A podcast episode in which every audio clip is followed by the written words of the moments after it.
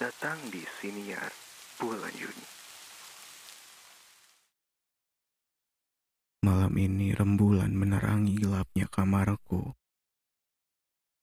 Cahayanya menembus kaca-kaca dan ventilasi kamar, lalu perlahan mulai berpendar. Dalam ruangan tiga kali empat ini, aku mendengar berbagai narasi dari apa yang telah terjadi seharian tadi. Dimulai dari runutan aktivitas seperti mengantri di peron kereta api, rutinitas kerja yang terus-menerus menghantamku tiada henti, hingga sebuah kabar tentang ikatan yang harus berakhir hari ini. Tiada yang menarik selain sesuatu yang harus usai, kan? Narasi-narasi tadi gugur satu persatu, dan hatiku membuat sebuah parafrase tentang asmara yang terikat dengannya sedari tahun lalu.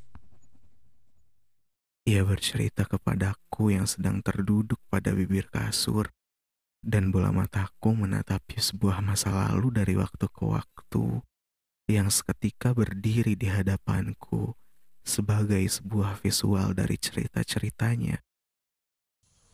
Ia pun memulai ceritanya mengenai sebuah tempat yang di mana hanya kita yang tahu. Sudut rahasia yang tersembunyi dari mata dunia. Tempat kita bersembunyi dan mencatat mimpi-mimpi serta membentuk sebuah utopia di tempat itu, waktu berhenti, menari mengikuti irama hati kita yang rapuh. Setiap langkah kaki membawa kita lebih dekat dengan ketenangan yang sulit dipahami dan sebuah kelonggaran dari badai yang selalu melanda tiada henti. Di sanalah kita bersama-sama memulai perjalanan pilu, mencari penghiburan dalam pelukan lembut dari kesunyian yang begitu disayangi.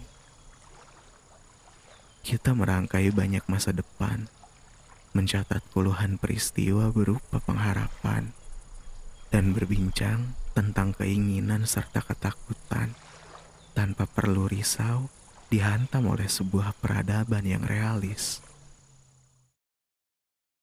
Namun sayang, kepompong yang kita huni perlahan rapuh dan bahkan memutuskan banyak mimpi-mimpi yang sudah kita harapkan.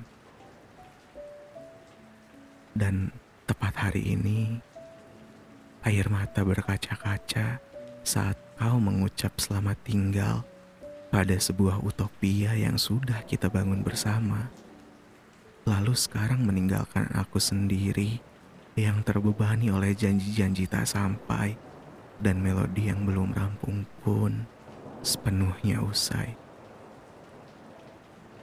Aku kehilangan sandaranku, sebuah tempat untukku berkeluh kasih pada rengkuh lengannya yang cantik, dibalut oleh perasaan yang meletup-letup pada dipan tempat kita merebah dan berserah pada sebuah afeksi menyisakan aku dengan jam dinding yang berdiri stagnan di pukul dua pagi dan mendamba sebuah reuni yang muskil terjadi. Lalu kemudian, di malam pertamanya usai, ia mematahkan stigmatik mengenai seorang lelaki yang hancur. Dan bahkan untuk tidur sekalipun, Aku mesti membayarnya dengan isak yang berguguran.